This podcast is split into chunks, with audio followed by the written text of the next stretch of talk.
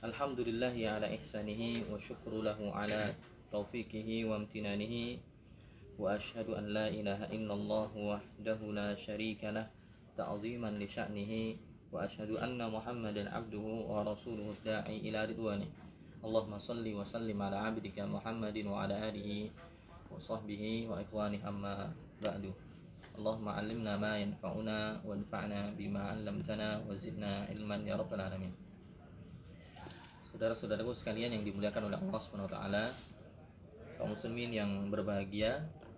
Alhamdulillah tentunya puji syukur yang tidak henti-hentinya kita tujukan kepada Sang Pencipta Allah yang Ar-Razzaq yang Maha memberi rizki, Al-Mu'ti yang Maha memberi, Al-Wahhab yang Maha memberikan karunia kepada kita semua.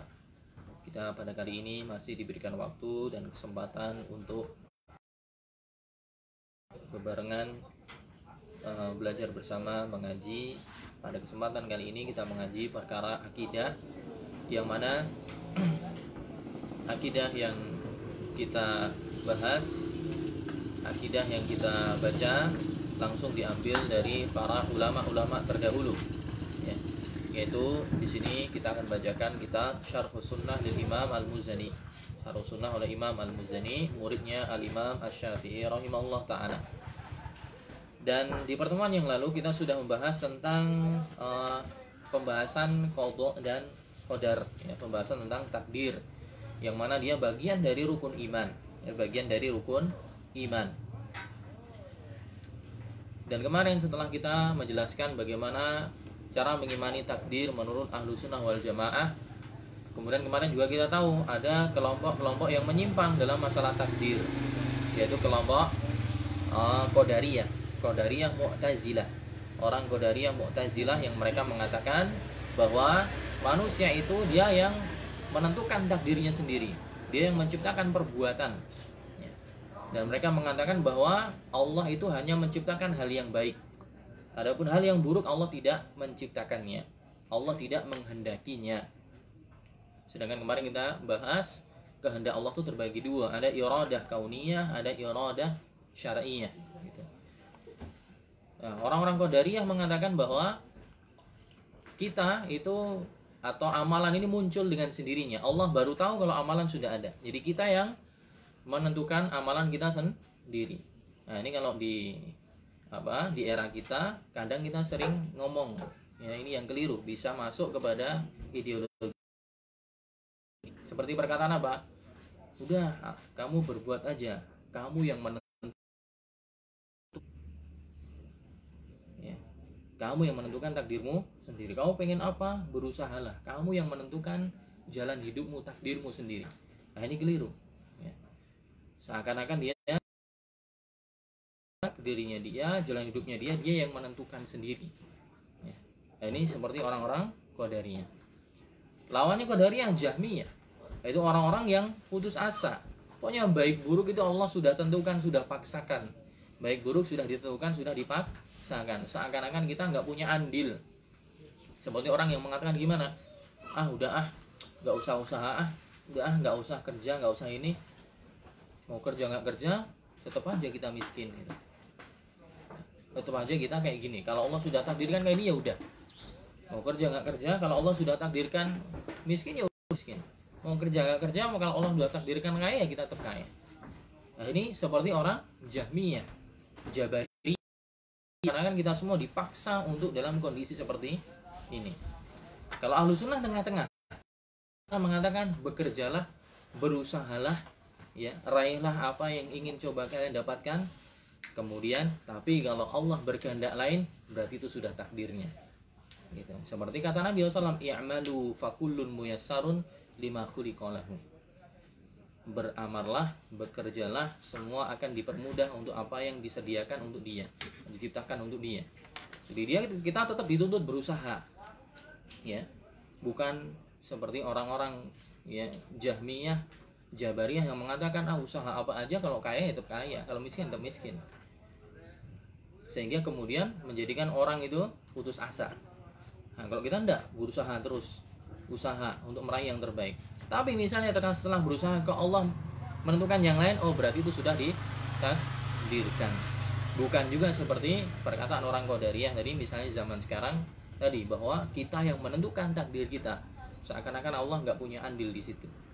Nah jadi harus mem ada balance ya harus imbang. Keduanya digabungkan antara kebenaran yang ada di Qadariyah Mu'tazilah dan kebenaran yang ada di Jabariyah Jahmiyah di situlah kemudian ahlu sunnah berada di tengah-tengah Taib uh,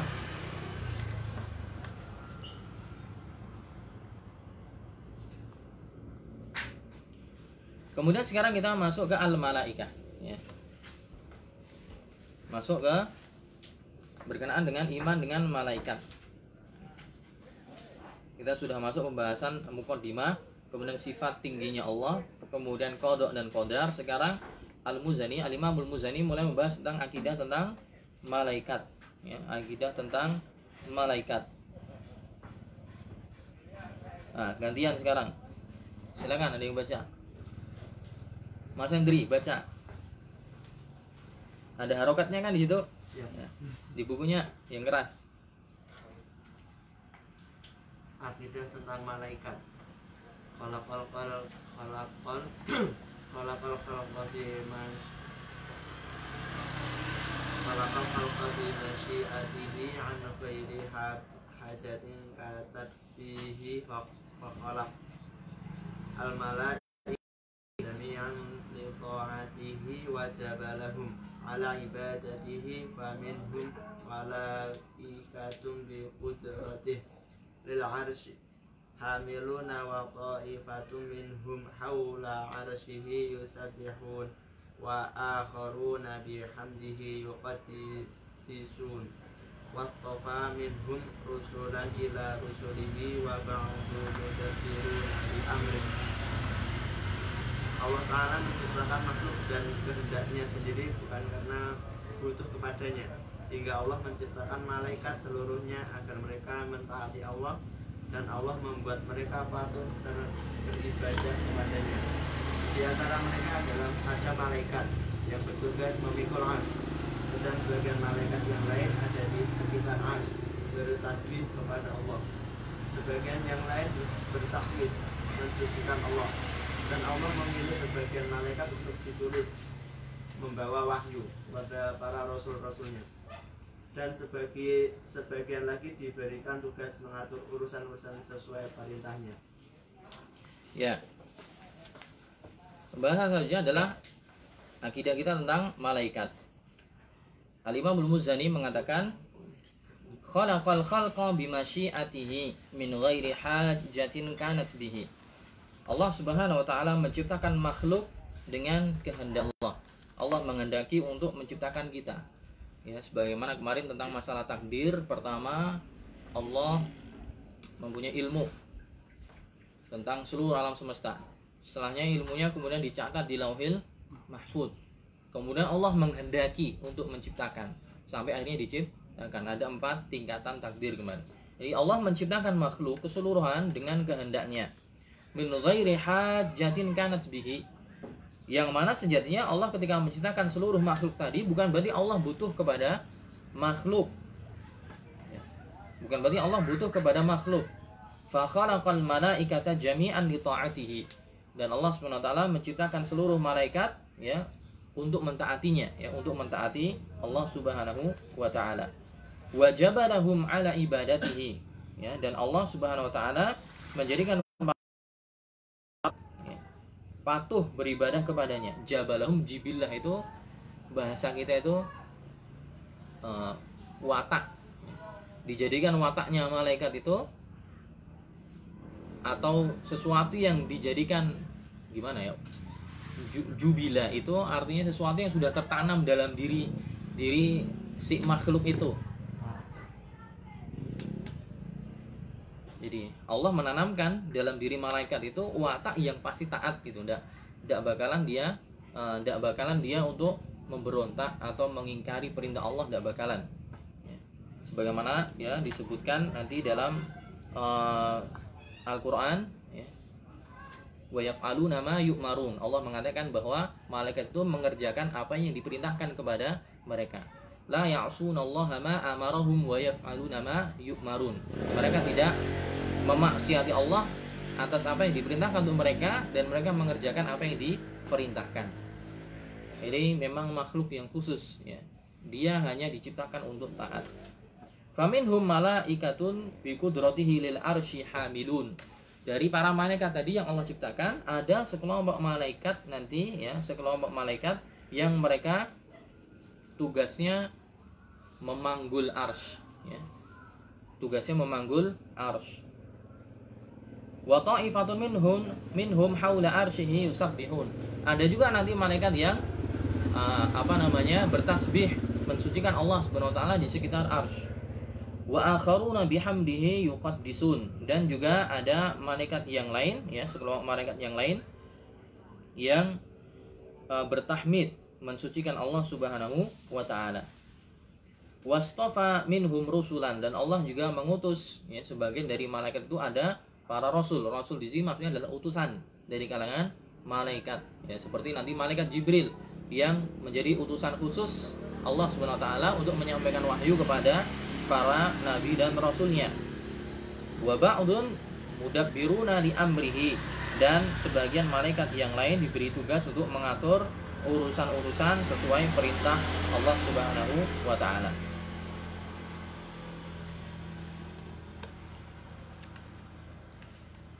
Di sini kemudian ya dijelaskan oleh Syekh Yahya An-Najmi al-imanu bil malaikah ruknun min arkani al-iman. Beriman kepada malaikat adalah salah satu dari rukun iman. Sebagaimana dalam hadis, antu minabillahi wa malaikatihi wa rusulihi wa kutubihi dan seterusnya. Ya, wal yaumil akhir wal qadari khairihi wa syarrihi. Dalam hadis yang sahih hadis Jibril ya. Dalam hadis Jibril ketika Jibril datang tanya kepada Nabi tentang apa itu iman apa itu Islam apa itu ihsan kapan yaumil kiamat. Nabi Muhammad mengatakan bahwa iman itu antuk minabillah wa malaikatihi wa rusulihi wa kutubihi. Iman itu engkau ketika mengimani Allah Subhanahu wa taala kemudian malaikat-malaikatnya rasul-rasulnya kitab-kitabnya hari akhir dan takdir baik itu yang baik atau yang buruk jadi dia bagian dari rukun iman. Sebagaimana tentang takdir kemarin juga bagian dari rukun iman. Dan juga dalam ya dalam Al-Qur'an disebutkan ya kewajiban kita untuk beriman kepada malaikat. Ya. Laisal birra an tuwallu wujuhakum qibalal masyriqi wal maghrib walakinnal birra man amana billah ya man amana billahi wal malaikati wal yaumil akhir Ya, bukanlah kebaikan itu ketika engkau mengarahkan wajah-wajah kalian ke arah timur ataupun barat. Tetapi albir kebaikan itu ketika engkau beriman pada Allah, malaikat, hari akhir dan seterusnya. Jadi intinya itu bagian dari pembahasan rukun iman. Wal malaikah fal malaikah kama wasafa sahibul matan dan malaikat sebagaimana disebutkan oleh penulis matan yaitu di sini Al Imamul Muzani ya Imam Muzani menyebutkan adalah khalaqahumullahu azza wa jalla wa jami' wa jami' al khalqi min ghairi hajatin ilaihim. Jadi Allah menciptakan malaikat dan makhluk yang lain yang sejatinya Allah tidak butuh kepada mereka. Justru kita yang butuh kepada Allah Subhanahu wa taala. Ya, sebagaimana di mengatakan ya ayuhan nas antumul fuqara'u ilallah wallahu ghaniyun hamid Ya ayuhan nas wahai para manusia, kalianlah yang fakir, yang butuh kepada Allah Subhanahu wa taala. Dan Allah Maha Kaya, ya. Allah Maha Kaya. Ini menunjukkan bahwa kitalah yang butuh kepada Allah, bukan Allah yang butuh kepada kita. Tidak usah kita sembah, maka Allah sudah agung. Tidak usah kita mengibadahinya, Allah sudah mulia. Tidak usah kita berterima kasih, maka Allah sejak dulu adalah zat yang memang pantas diarahkan terima kasih dan syukur kepada Dia. Jadi keberadaan kita, makanya ketika seorang tidak beribadah, seorang nggak sholat, seorang nggak ngaji, seorang nggak puasa, seorang nggak bersedekah, itu faedahnya dan mudorotnya itu kembali kepada dia sendiri, bukan kepada Allah. Ya. Bukan kepada Allah Subhanahu wa taala. Karena seorang ketika nggak ibadah, nggak sholat, nggak zakat, ya bahkan berbuat syirik, ya nanti dia sendiri yang kemudian masuk neraka. Ya, dia sendiri yang dapat hukuman ya tapi ketika misalnya mereka nyembah Allah mereka beribadah tidak kemudian menambah keagungan Allah kebesaran Allah tidak. Dari dulu Allah sudah akbar sudah maha agung maha besar. Ya jadi sejatinya Allah menciptakan kita semua itu bukan berarti Allah butuh kepada kita tapi kita lah yang butuh kepada Allah Subhanahu wa taala.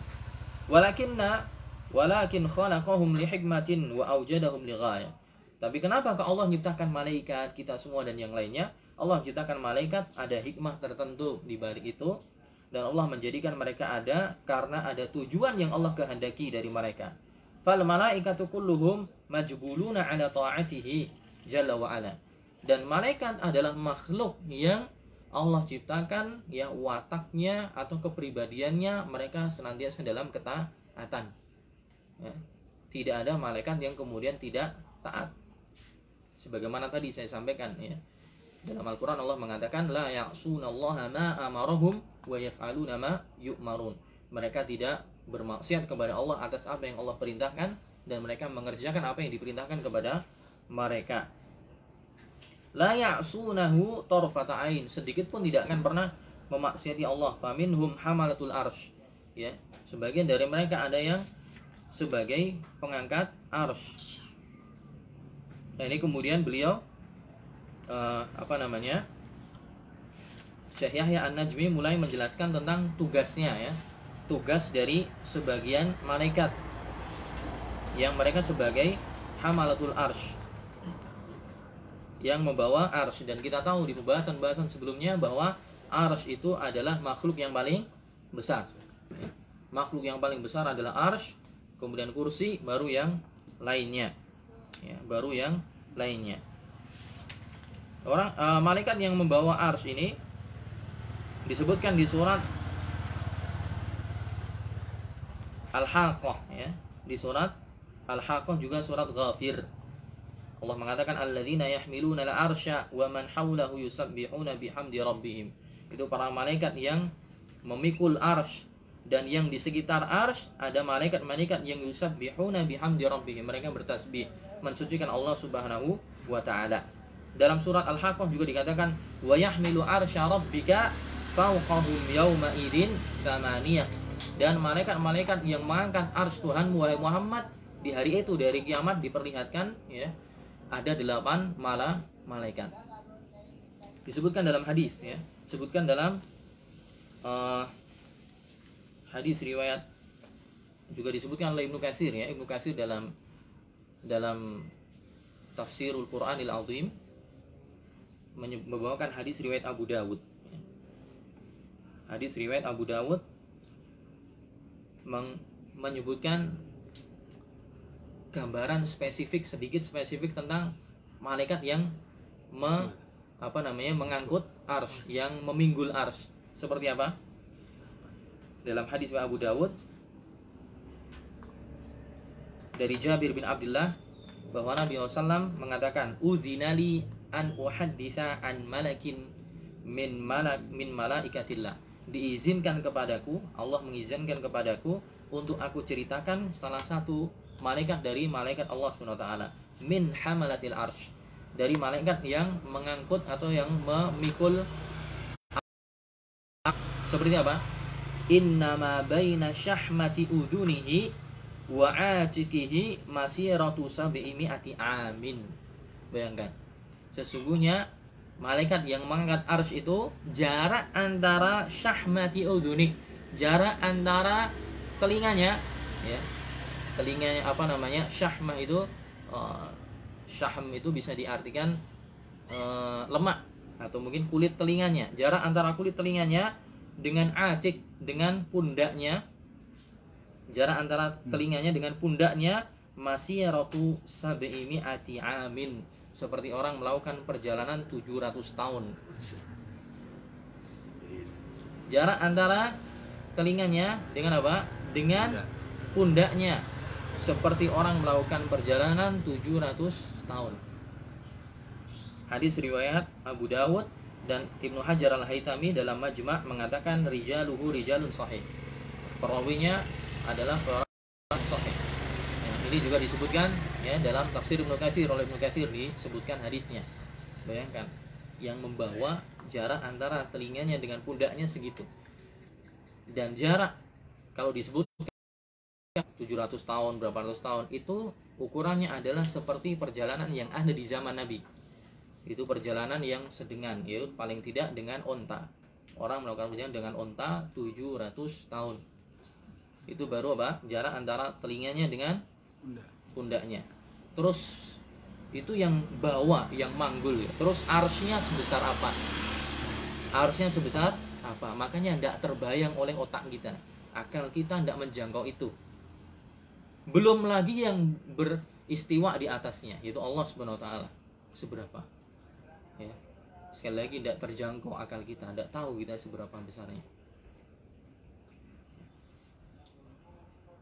itu salah satu mana? Wa minhumul malaikatul akrubiyun alladzina hum haulal arsh. Atau malaikat namanya al kurubiyun yaitu malaikat-malaikat yang berkumpul di sekitar arsh ya di sekitar arsh yang mereka bertasbih mensucikan Allah Subhanahu wa taala. Seperti tadi disebutkan di surat Ghafir alladzina yahmiluna al-arsya wa man haulahu yaitu para malaikat yang mengangkat arsy dan yang ada di sekitarnya. Yusabbihuna bihamdi rabbihim mereka bertasbih mensucikan Allah Subhanahu wa taala wa yu'minuna bihi mereka juga beriman kepada Allah. Wa yastaghfiruna lilladzina amanu dan mereka memohonkan orang yang beriman. Itu salah satu tugasnya malaikat itu mereka juga mendoakan orang-orang yang beriman. Sebagaimana juga dalam hadis juga disebutkan ya dalam hadis masalah orang yang apa namanya menunggu sholat ya. Orang yang sholat di waktu sholat tertentu kemudian selesai dia tidak langsung pulang tapi tetap di situ maka malaikat memohonkan ampun kepada dia Ya. Wa minhum malaikatun ja'alahumullahu rusulan ya'muruhum bi amrihi fayatamirun. Di sebagian yang lain ada para malaikat juga yang Allah jadikan sebagai para rasul, utusan. Allah perintahkan mereka, kemudian mereka pun mentaati perintahnya. Wa minhumul hafadzah. Ada juga malaikat-malaikat penjaga. Wa minhumul muakibat. Ada juga malaikat-malaikat yang muakibat. Muakibat itu kalau tidak keliru maknanya adalah yang silih berganti, ya. Yang silih berganti bergantian seperti eh, malaikat yang berganti mencatat e, melaporkan catatan apa namanya amalan seorang hamba yang apa namanya saling tukar menukar di waktu pagi dan di waktu sore seperti dalam hadis riwayat Bukhari ya. Seperti dalam hadis riwayat Bukhari. Dari Abu Hurairah Nabi SAW mengatakan ya ta'aqabuna fikum malaikatul laili wa malaikatun bin nahar. Saling bertukar ya. Di ada malaikat-malaikat di malam hari dan malaikat-malaikat di siang hari. Yastami'una fi salati subhi wa salatil asr. Mereka berkumpul di thumma ya'rujul thumma ya'rujul ladina batu fikum fayas'aluhumullah wa wa huwa a'lamu bihim. Kaifa taraktum ibadi. Kemudian setelah mereka gantian ya. Setelah mereka gantian mereka kemudian naik kepada Allah ke langit kemudian yang lain tersisa di bumi kemudian Allah ber- bertanya kepada yang laporan Ya. dan Allah maha mengetahui sejatinya Allah nggak butuh untuk bertanya tapi Allah bertanya kaifa taraktum ibadi? Kalian bagaimana kalian meninggalkan para hambaku yang ada di bumi? Mereka menjawab malaikat ini menjawab tarokna tarokna hum wa hum yusallun. Kami meninggalkan mereka dan mereka dalam kondisi so, sholat. Karena ini sif sifannya adalah waktu subuh dan waktu asar. Jadi ketika waktu subuh maka malaikat malam ya diganti malaikat siang. Jadi malaikat apa mulai mulai setelah subuh itu jadi malaikat siang sampai asar jadi kalau asar ganti lagi malaikat malam. Dari asar sampai subuh. Mereka yang apa namanya me- apa melaporkan amalan yang kita kerjakan. Makanya di- mereka ditanya sama Allah tak bagaimana kalian meninggalkan para hambaku? Taroknahum wa hum yusallun. Kami meninggalkan mereka dalam kondisi sholat. Ketika di waktu subuh. Wa atainahum wa hum yusallun. Kami mendatangi mereka juga dalam kondisi sholat. Wa nususu fi hadza katsir katsirah jiddan yas'ubu hasuna hasruha lana dan nas-nas yang menjelaskan hal ini ada banyak. Kemudian juga ada malaikat yang khuzanur rih. Ada malaikat-malaikat yang tugasnya ngatur angin. Malaikat-malaikat yang khazanatun nar yang menjaga uh, neraka. Dan juga khazanatul jannah ada penjaga surga. Ada juga malaikatul bihar malaikat yang menjaga apa namanya laut. Wa minhum malaikatul jibal. Ada juga malaikat yang menjaga apa gunung Ya, jadi yang jaga gunung itu bukan danyang, bukan apa? Yang jaga laut itu bukan Nyiroro Kidul, ada malaikatnya. Sebagaimana gunung yang jaga juga bukan Memedi, juga bukan apa? Demit. Mereka numpang di situ. Ya, yang jaga aslinya adalah ikan. Ya, sebagaimana hadis ketika Nabi SAW diusir dari Taif. Ya, ketika Nabi pergi bersama Zaid bin Harithah dalam sirah Nabawiyah ya. Ketika beliau keluar dari Mekah ingin hijrah ke Taif. Ya. Taif itu arahnya ke arah uh, timur selatan Mekah. Ya, perjalanan kalau pakai bus sekitar ya setengah sampai satu jam. Di sana dataran tinggi. Di dataran tinggi di Taif. Dulu Nabi pernah berusaha hijrah ke sana. Ya, tapi di sana kemudian tidak diterima oleh tidak diterima oleh penduduknya justru malah diejek dihina sampai dilempari batu sampai Nabi SAW ada terluka badannya ditutupi oleh Zaid bin Harithah ya kemudian datang malaikat ya malaikat Jibril kalau tidak keliru ya dalam riwayat menyebutkan mengabarkan bahwa apa namanya Allah mengizinkan anda wahai Muhammad nyuruh malaikat penjaga gunung itu untuk melemparkan gunung ke ke penduduk Taif Nabi mengatakan tidak fa innahum qaumun la ya'lamun. Mereka adalah kaum yang tidak tahu. Mereka belum tahu. Semoga saja dari keturunan mereka nanti ada orang-orang yang menyembah Allah Subhanahu wa taala. Nah, ini sampai sekarang alhamdulillah penduduk Taif yang muslim semua. Itu bukti uh, apa namanya lemah lembutnya dakwah Nabi Shallallahu alaihi wasallam. Syahidnya, poinnya adalah si gunung tadi ada malaikat yang menjaganya yang mana Allah mengizinkan kalau kamu wahai Muhammad memerintahkan malaikat itu untuk jabut gunungnya maka Allah izinkan dia mampu untuk menjabut dan kemudian melemparkan kepada penduduk Taif juga ada malaikatun muwakkaluna bis sahab tugasnya mengatur apa awan mendung ya. Ya'budun Allah dan juga ada para malaikat-malaikat yang di langit yang mereka senantiasa beribadah kepada Allah Subhanahu wa taala.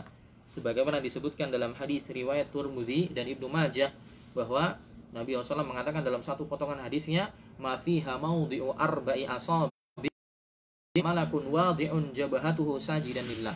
Tidaklah di langit itu ya. Kata Nabi tidaklah di langit itu tidaklah di langit ada tempat ya.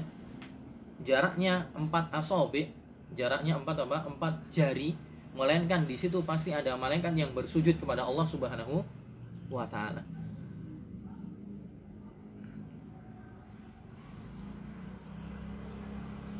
Ya.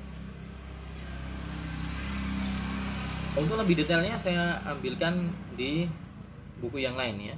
Ini sudah selesai pembahasan malaikat tapi kurang masih global ya. Untuk lebih rincinya biar kita tahu ada beberapa hal. Malaikat diciptakan dari apa? aslul khilqah jadi bahan penciptaan malaikat itu adalah dari cahaya ya al maddatul lati khalaqallahu minhal malaikah hiya nur. Itu apa namanya bahan penciptaan malaikat adalah dari cahaya. Sebagaimana disebutkan dalam hadis Aisyah riwayat Muslim bahwa Aisyah radhiyallahu anha mengatakan Rasulullah SAW bersabda khuliqatil malaikatu min nur. Malaikat itu diciptakan dari cahaya. Wa khuliqal jannu min marijin min nar. Adapun jin api yang marij apa itu api Adapun jin itu diciptakan dari api yang marij. Api yang marij itu adalah Allahabul mukhtalatu bisawadinna. Kalau jin atau ya jin, jin di sini maksudnya setan ya dia diciptakan dari api yang Allah lahab itu yang berkobar-kobar yang sudah bercampur dengan warna hitamnya berarti pucuan itu. Kalau jenengan lihat api besar pucuan maka apa yang paling bawah kan terang ya kan terang kemudian agak kekuningan kemudian yang paling ujung agak apa orange kemudian setelah orange kan jadi hitam yang kemudian jadi asap ya. nah dalam hadis Nabi Nabi mengatakan bahwa Jin itu khuliqa min marijin min nar yaitu dari api yang berkobar klobat-klobat yang sudah bercampur warna hitam. Ya, sudah bercampur warna hitam. Adapun kalau malaikat tadi dari cahaya cahaya.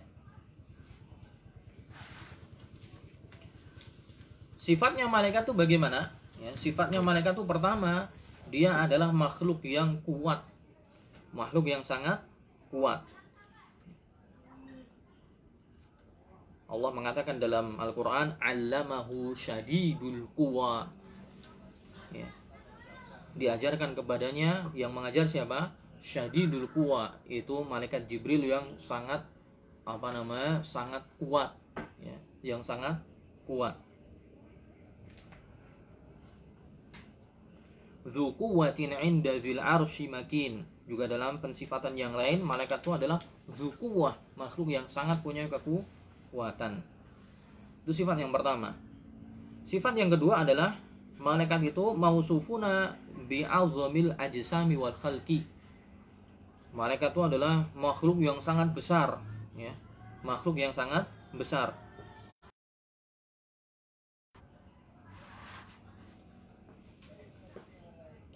seperti disebutkan dalam hadis riwayat Imam Ahmad dari Ibnu Mas'ud Nabi SAW jadi itu diceritakan roa Rasulullah SAW Jibril fi Rasulullah SAW pernah melihat Jibril dalam perwujudan aslinya walahu sittu mi'ati janahin. Dan malaikat Jibril ketika dilihatkan malaikat Jibril wujud aslinya malaikat Jibril itu punya 600 sayap. Kullu janahin minha qad saddal ufuqa. Setiap sayap dari Jibril tadi yang 600 itu menutup ufuk menutup langit. Yasqutu min janahihi minat tahawil wad durari wal yakut dari apa namanya uh, sayapnya tadi setiap sayapnya itu rontok perhiasan-perhiasan dan apa namanya permata jadi indah dia besar sangat besar dan indah Imam Ahmad dan oleh Al-Hafidh Ibnu Hathir dikatakan sanatnya jayyid. Jadi pertama sifat malaikat itu kuat, yang kedua besar. Ya tadi malaikat Jibril 600 sayap, setiap sayapnya menutup ufuk. Hadis yang lain menjelaskan tadi, malaikat yang mengangkut arsh. Jarak antara telinganya dengan pundaknya seperti orang berjalan 700 tahun. Sifat yang ketiga, malaikat itu mereka tidak apa namanya levelnya tidak satu level malaikat itu ada tidak satu level dalam segi ukuran dalam segi ukuran mereka tidak satu level maksudnya gimana? Ada yang cuma ya ada yang cuma punya dua sayap. Ada yang punya tiga sayap. Ada yang lebih dari itu. Tapi jenengan nggak usah tanya kalau tiga sayap terus piye? Hmm. si si nanti nah tidak tahu. Goib ya. Perkara yang goib. Dalilnya apa? Ya. Dalilnya di surat Fatir ayat 1 Alhamdulillahi fatiris samawati wal ardi segala puji bagi Allah yang menciptakan langit dan bumi ja'ilul malaikati rusulan yang Allah menjadikan para malaikat sebagai utusan-utusan uli ajnihatin mathna wa thulatha wa ruba' para malaikat yang punya sayap-sayap ada yang dua, ada yang tiga, ada yang empat.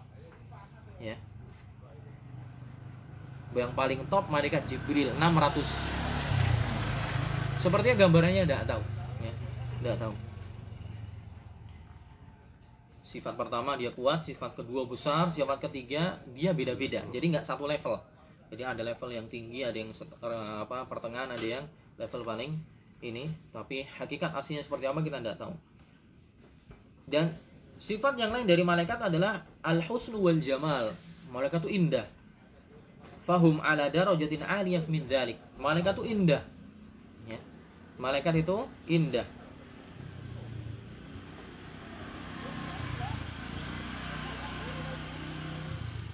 dalilnya apa? Dalilnya di surat an-najm. Allah mengatakan allamahu syadidul quwa. Tadi ya diajarkan kepadanya yang mengajarkan adalah malaikat yang sangat kuat. Zumirratin fastawa. Apa artinya zumirrah zumirrah kata Ibnu Abbas makna malaikat itu disifati zumirrah artinya adalah zuman zorin hasan. Itu punya pemandangan yang indah kalau dilihat sangat indah sekali itu kata Ibnu Abbas. Kata kota ada du khalqin tawilin hasan. Dia punya apa namanya penciptaannya fisiknya sangat indah. Dalil yang lain juga bahwa malaikat itu sangat indah ya. Kalau misalnya dia berwujudannya manusia maka dia sangat ganteng seperti dalam surat Yusuf ya. Allah ketika menceritakan falamma ra'ainahu akbarnahu wa qatta'na aydiyahun wa qulna hasya lillahi ma hadha basharan in hadha illa malakun karim yaitu ketika Allah Subhanahu wa taala ya, ketika para perempuan yang diundang oleh istrinya siapa? Istrinya Aziz. Imro'atul Aziz, si Aziz, Azizul Misr yaitu apa namanya gubernurnya Mesir yang mengasuh Yusuf sampai besar, ya kan? Yang mengasuh Yusuf sampai besar. Kemudian istrinya si Aziz ini kan cinta sama Yusuf sampai diajak berzina. Ya, sampai diajak berzina. Kemudian berita itu tersebar ke penduduk Mesir. Ya, kenapa sih ini istrinya si istrinya si Aziz kok sampai tergila-gila dengan si anak angkatnya? Seperti apa sih? Akhirnya diundang sama istrinya Al Aziz ke rumahnya, ya, ke rumahnya diundang. Kemudian ketika mereka para perempuan duduk di meja makan, mereka dia yang bawa apel, bawa pisau sedang motong ini ketika si Yusuf keluar, Nabi Yusuf alaihissalam keluar, falamma ra'ainahu akbarna wa qatta'na aydiyahunna. Ketika Yusuf keluar, mereka tidak sadar, mereka melihat Yusuf ter apa terpukau, sangat terpukau saking gantengnya sampai apa qatta'na aydiyahunna sampai mereka ketika nyacain apa buah-buahan itu yang dipotong malah jari jemarinya. Dan mereka nggak sadar itu. Wa qulna hasya lillah ma ini bukan manusia. Mahal in hada illa malakun karim.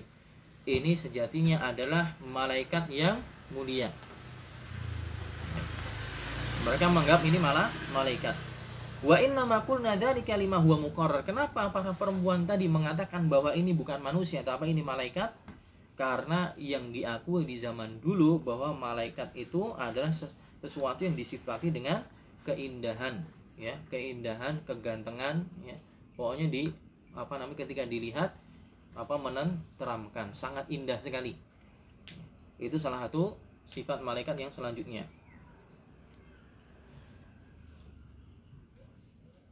dan yang lainnya ya itu secara global masih ada sifat-sifat yang lain. Tidak kemudian juga mereka tinggalnya di langit ya mereka tinggalnya di langit. Dan malaikat itu tidak malaikat tidak disifati bahwa mereka perempuan ya. Mereka tidak disifati perempuan. Dan yang lainnya banyak sekali. Nah, kemudian tambahan mungkin faedah adalah pekerjaannya ya pekerjaan malah malaikat. Pekerjaan para malaikat.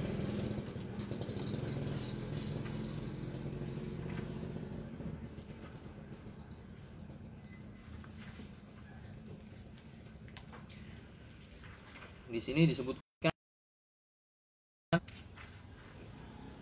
13 pekerjaan. Ini saya baca di kitab Usulul Iman Fidho'il Kitab wa Sunnah. Usulul Iman Fidho'il Kitab wa Sunnah diterbitkan oleh Kementerian ya Wakaf dan Dakwah di Saudi Arabia. Oke, pekerjaan malaikat itu apa? Pertama, yang diberi amanah untuk menyampaikan wahyu dalilnya ada banyak tapi saya sebutkan saja siapa dia Jibril ya siapa dia Jibril malaikat yang ditugaskan untuk untuk menyampaikan wahyu. Dan ini udah banyak diketahui. Ya. Kemudian malaikat yang ditugaskan untuk menumbuhkan tumbuh-tumbuhan. Ya menurunkan hujan tumbuh-tumbuhan. Siapa dia? Mikail. Ya. Jibril menyampaikan wahyu. Mikail ini ngurusi apa namanya uh, tumbuh-tumbuhan, ngurusi hujan.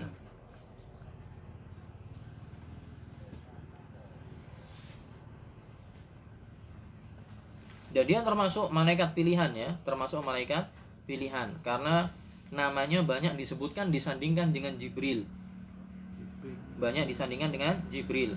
Seperti dalam surah Al-Baqarah, "Man kana aduwwa lillahi wa malaikatihi wa rusulihi wa jibrila wa mikala wa jibrila wa mi wa mikala fa innallaha aduwwun lil kafirin ya, jadi dia termasuk yang punya pangkat tinggi dari malaikat-malaikat yang lain karena namanya banyak disebutkan dengan malaikat Jibril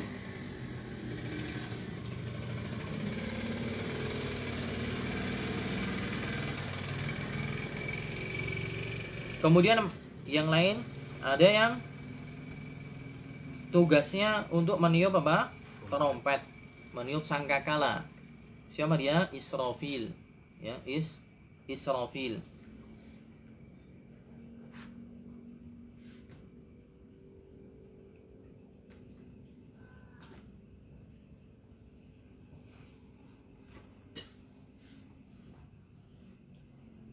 Wa huwa salisul malaikatil mufaddalin mutaqaddam dzikruhum. Nah, ini juga dijelaskan bahwa Israfil ini ya termasuk yang juga punya kedudukan yang tinggi bersamaan dengan dua sebelumnya yang disebutkan yaitu Jibril, Mikail, Israfil. Wa ahadu hamalatil arsh. Ada faedah baru. Ternyata Israfil ini salah satu dari delapan yang mengangkut arsh. Jadi delapan malaikat yang tadi mengangkut arsh itu salah satunya adalah Is Israfil wa huwa ahadu hamalatil arsy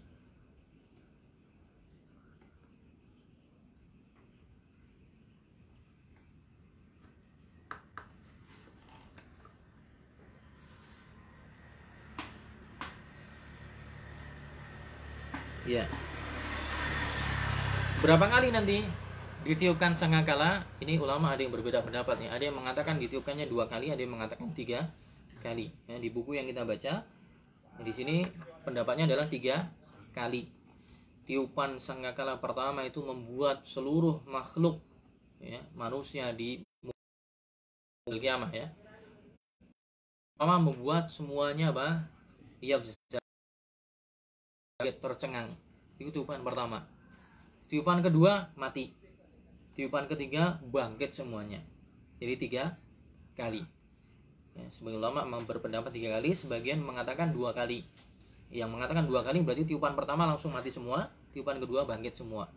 Ya kalau di sini ya mereka uh, penulis buku ya menuliskan bahwa mereka mengambil pendapat yang tiga kali. Dalilnya apa? Dalilnya pertama surah an-naml.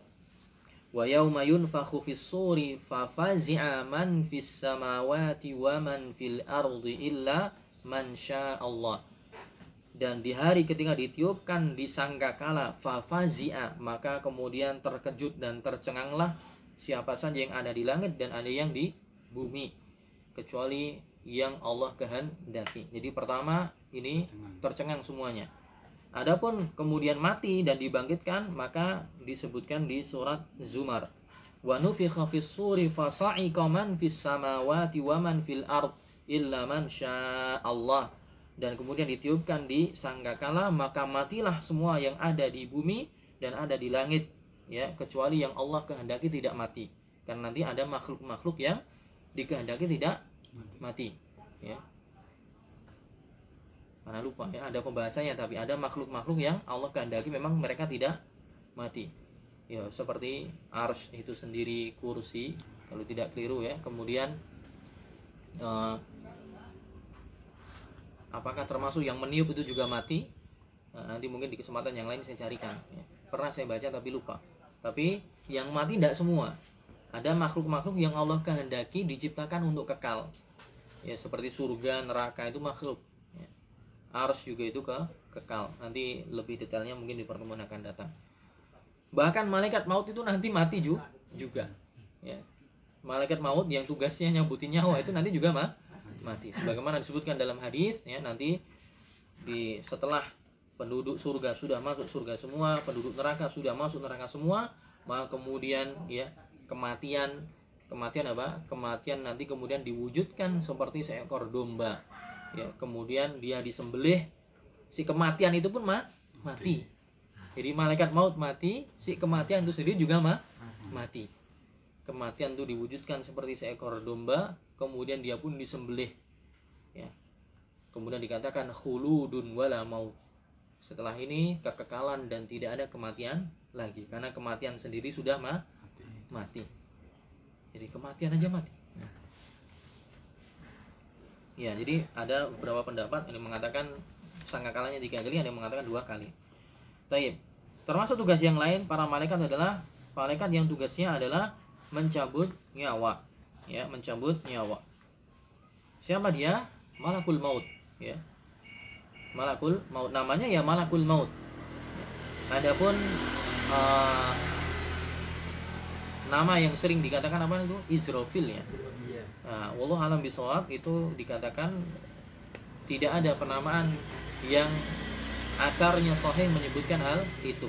Tapi yang disebutkan ya dia namanya malakul maut karena nanti tidak semua malaikat namanya diketahui.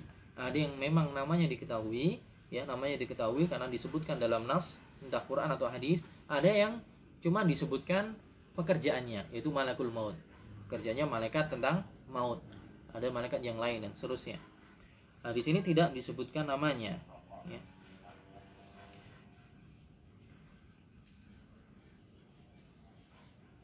Kemudian yang kelima, malaikat yang menjaga gunung. Ya, malaikat gunung, malakul jibal. Malakul jibal. Sebagaimana tadi disebutkan dalam hadis Nabi SAW ketika beliau keluar ke Taif, ya, keluar ketika keluar ke Taif itu disebutkan dalam hadis riwayat Bukhari dan Muslim ya. Hadis riwayat Bukhari dan Muslim. Fa idza ana bis bisahabati bisahabatin qad adallatni fa nadartu fa huwa Jibril. Jadi ketika beliau setelah diusir dari Taif, kemudian datang ada awan yang mendekat kepada Nabi SAW. Kemudian menaungi Nabi. Ternyata itu Jibril. Fanadani faqala. Kemudian Jibril memanggil saya. Dia mengatakan innallaha qad sami'a qaula qaumika laka wa ma raddu alaika sungguhnya Allah telah mendengar perkataan kaummu dan apa yang mereka tolak untukmu wa qad ba'atsallahu ilaika malakul jibal. Allah telah mengutus untuk dirimu wahai Muhammad malaikat gunung. Litakmurahu bima syi'ta fihim. Silahkan kamu perintahkan apa yang kamu kehendaki untuk mereka untuk orang-orang Taif.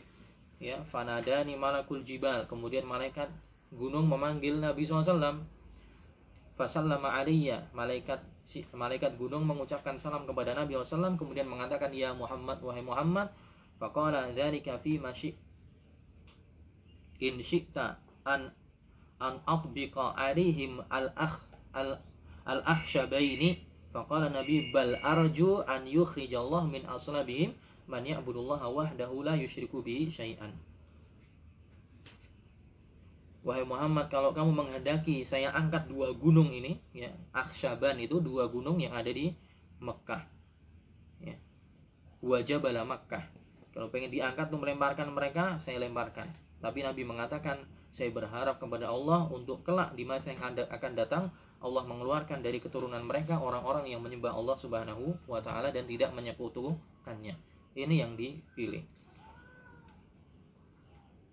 Berapa menit, Mas? 48 48 sampai satu jam ya? Tidak apa-apa. Ya, yang keenam malakul muwakkal birrahim. Malaikat yang diberikan amanah di rahim. Malaikat rahim yang masuk ke rahim ibu. Ya.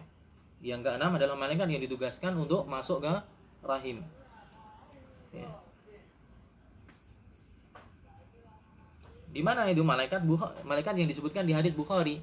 Inna ahadakum yujma'u khalquhu fi batni ummi arba'ina laylan nutfatan. Thumma yakunu 'alaqatan mithla dhalik. Thumma yakunu mudghatan mithla dhalik. Sungguhnya salah seorang di antara kalian dikumpulkan penciptaannya di perut ibunya 40 hari pertama berupa air mani. 40 hari kedua berubah menjadi segumpal darah. 40 hari ketiga berubah menjadi segumpal daging alias sudah jadi janin. Kemudian apa? Fayur sadu ilaihil malak. Diutuslah malaikat ke situ. Fayuk maru bi arba'i kalimat. Ya kemudian diperintahkan untuk uh, menuliskan empat perkara. Dan seterusnya dalam hadis Bukhari. Menuliskan ajalnya ya menuliskan dia hidup rizkinya menuliskan apa namanya uh, dia nanti hidup bahagia atau sengsara. Ya ada ada faedah. Ternyata kalau orang perempuan yang hamil terkadang orang tuanya itu sudah bawa ke USG ya kan? Sudah bawa ke USG biasanya uh, di USG sebelum 4 bulan. Kan tadi apa namanya faedah dari hadis tadi bahwa menunjukkan roh itu baru ditiupkan di umur 4 bulan, ya kan? 120 hari. Pertanyaannya, banyak orang tua yang istrinya mengandung misalnya dibawa ke dokter di USG baru umur 3 bulan, 2 bulan udah gerak. Ya kan? Ada gerakan gitu. Ya itu gimana? Kan belum ada rohnya kok bisa gerak? Jawabannya gimana? Kalau nggak salah itu pernah di-share di Nah, saya tahu. Nah, Antum yang nge-share itu di grup KJ, tapi lupa. hebat apa Kalau nggak salah dijawab oleh Ibnu Qayyim rahimahullah taala. Jawabannya adalah seperti pohon. Tidak semua yang nggak punya roh nggak bisa bergerak. Pohon nggak punya roh, tapi dia bisa bergerak, tumbuh, ya kan? Tumbuh daunnya besar, berbuah, itu bergerak juga. Tapi intinya tidak semua yang bergerak harus punya roh. Gitu. Tidak semua yang bergerak harus punya roh. Jadi dia geraknya janin di umur 3 bulan atau sebelum 4 bulan sebelum ada roh itu adalah gerak kehidupan si janin sebagaimana geraknya apa? pepohonan ketika apa? ketika dia tumbuh. Ya. Jadi seperti itu. Jadi misalnya ada orang bertanya katanya 4 bulan baru ada ruhnya berarti harusnya bergeraknya setelah 4 bulan dong. Enggak. Sebelum itu juga bergerak, tapi pergerakannya memang belum ada ruhnya. Pergerakannya seperti pergerakan tumbuhan yang tumbuh sebagaimana ya tumbuhan ketika tumbuh dari kecil atau dari biji kacang misalnya dia tumbuh. Kalau kita sering lihat slow motion eh bukan slow motion ya apa lawannya? Kalau slow motion kan? Flash motion gitu. Itu biasanya kan ada video tuh apa kacang ditanam gitu kan. Kemudian dia tumbuh rugur-rugur kemudian sampai nah, seperti itulah gerakan gerakannya. Baik kemudian eh, malaikat yang selanjutnya adalah hamalatul arsh yaitu yang para malaikat yang mengangkat arsh. Ini juga nggak ada namanya. Namanya ya pengangkat arsh gitu aja. Seperti tadi disebutkan dalam surat al haqqah wa yahmilu arsya rabbika fawqahum yawma idzin thamaniyah dan arsnya Tuhan wahai Muhammad diangkat di atas mereka ada delapan ah, malaikat yang mengangkatnya kemudian juga yang ke delapan malaikat yang tugasnya menjaga surga. Disebutkan dalam surah Az-Zumar wasiqal ladzina taqaw rabbahum ilal jannati zumara. Dan ketika ya orang-orang yang bertakwa digiring orang yang bertakwa kepada Allah SWT digiring kepada kepa, menuju surga zumara berbondong-bondong. Hatta idza ja'uha futihat wa futihat abwabuha. Sampai ketika mereka sudah sampai ke surga kemudian ada syafaat dari Nabi untuk membukakan pintu surga kemudian baru mereka nanti akan masuk. Ya wa qala lahum khazanatuha salamun alaikum tibtum fadkhuluha khalidin. Kemudian ketika para penduduk surga mau masuk surga dikatakan kepada mereka yang mengatakan siapa? Khazanah.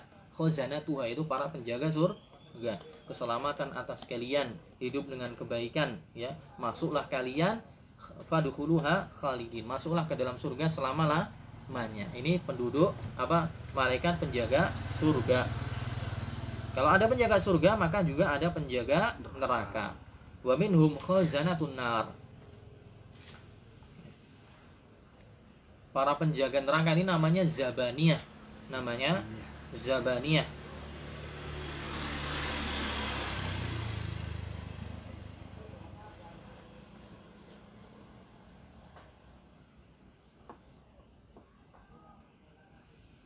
Dan mungkin pemimpinnya yang namanya Ma Malik ya. Pemimpinnya yang namanya Malik. Di sini dikatakan penjaga neraka. Mereka adalah para zabaniyah. Waruasa uhum tis'ata asyar. Dan pembesarnya ada apa? Ada 19 ada 19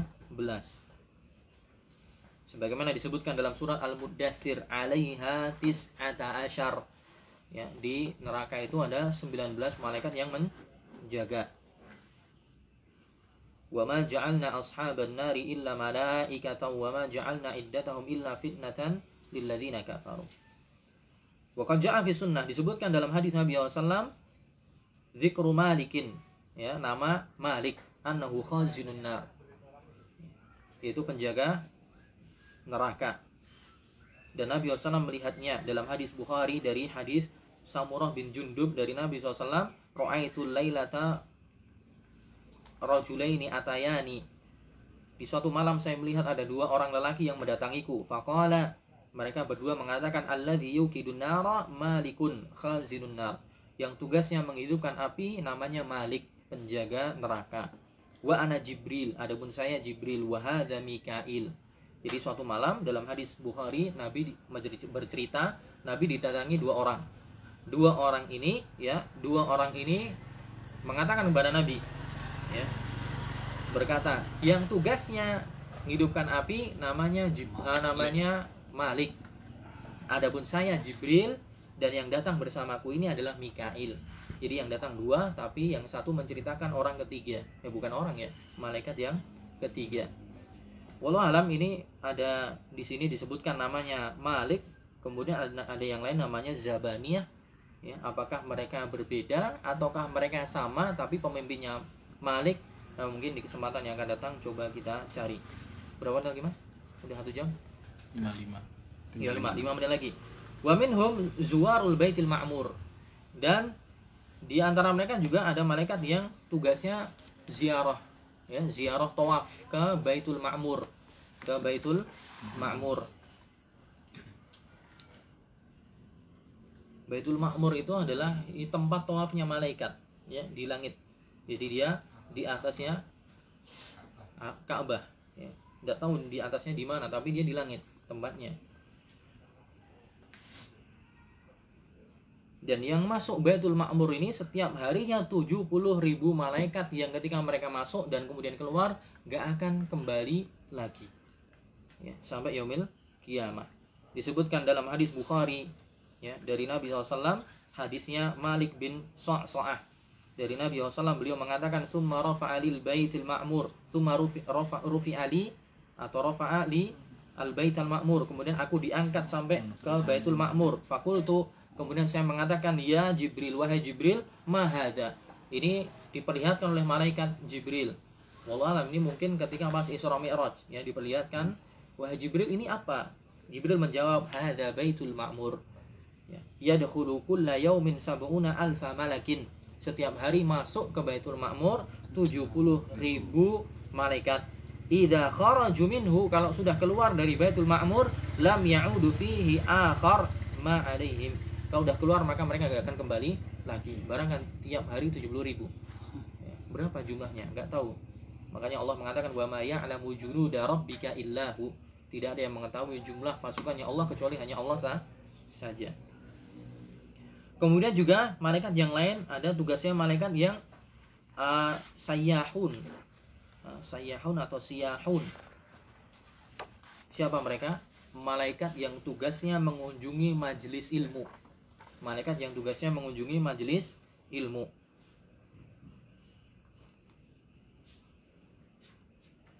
Nah, ini ini faedahnya ya. Disebutkan dalam hadis riwayat Bukhari dari Abu Hurairah bahwa Nabi SAW bersabda innalil malaika innalillahi malaikatan. Sesungguhnya Allah mempunyai para malaikat-malaikat yatufuna fit turuqi yaltamisuna ahla dzikr. Para malaikat yang mereka tawaf maksudnya dia, mencari di jalan-jalan dia mencari ahlu dzikr. Ahlu dzikr di sini ya, maksudnya adalah para ahli ilmu.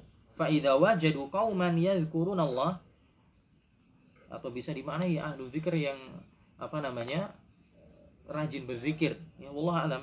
Tapi kalau perkataan atau bin Abi Rabbah maksudnya apa namanya e, majlis zikir itu adalah majlis ilmu. Eh maksudnya ahlu zikir itu adalah para ulama. Ketika beliau me- apa namanya menjelaskan ayat fasalu ahla zikri in kuntum la ta'lamun. Bertanyalah kepada ahlu zikir ketika kalian tidak mengetahui para ulama mema- memaknai ahlu zikir itu bukan orang yang ahli tiap hari zikir tapi adalah ula ulama yaitu para ahli ilmunya.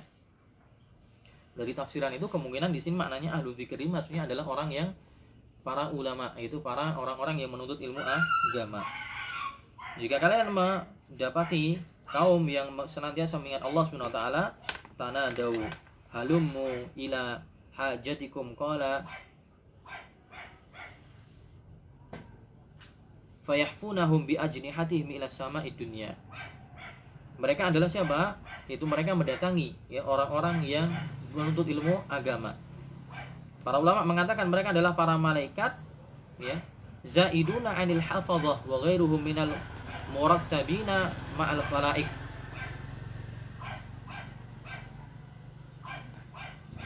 Ya, poinnya adalah itu. Mereka adalah para malaikat yang tugasnya mencari para ahli zikir dan mereka kemudian uh, menaungi me mereka dengan sayap-sayap mereka. Sudah satu jam. Oke, masih ada terakhir ya dua sekalian. Uh, yang kedua adalah yang ke-12 adalah malaikat al-kiramul katibun. Yaitu para malaikat yang tugasnya adalah menulis amalan makhluk ya menulis amalan makhluk wa inna alaikum lahafizin kiraman katibin ya'maluna ma ya'lamuna ma taf'alun.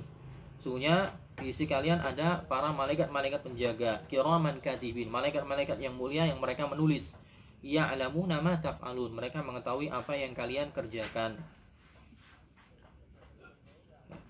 Kemudian yang terakhir yang 13 malaikat yang diberikan amanah untuk menguji di kuburan, di alam kubur.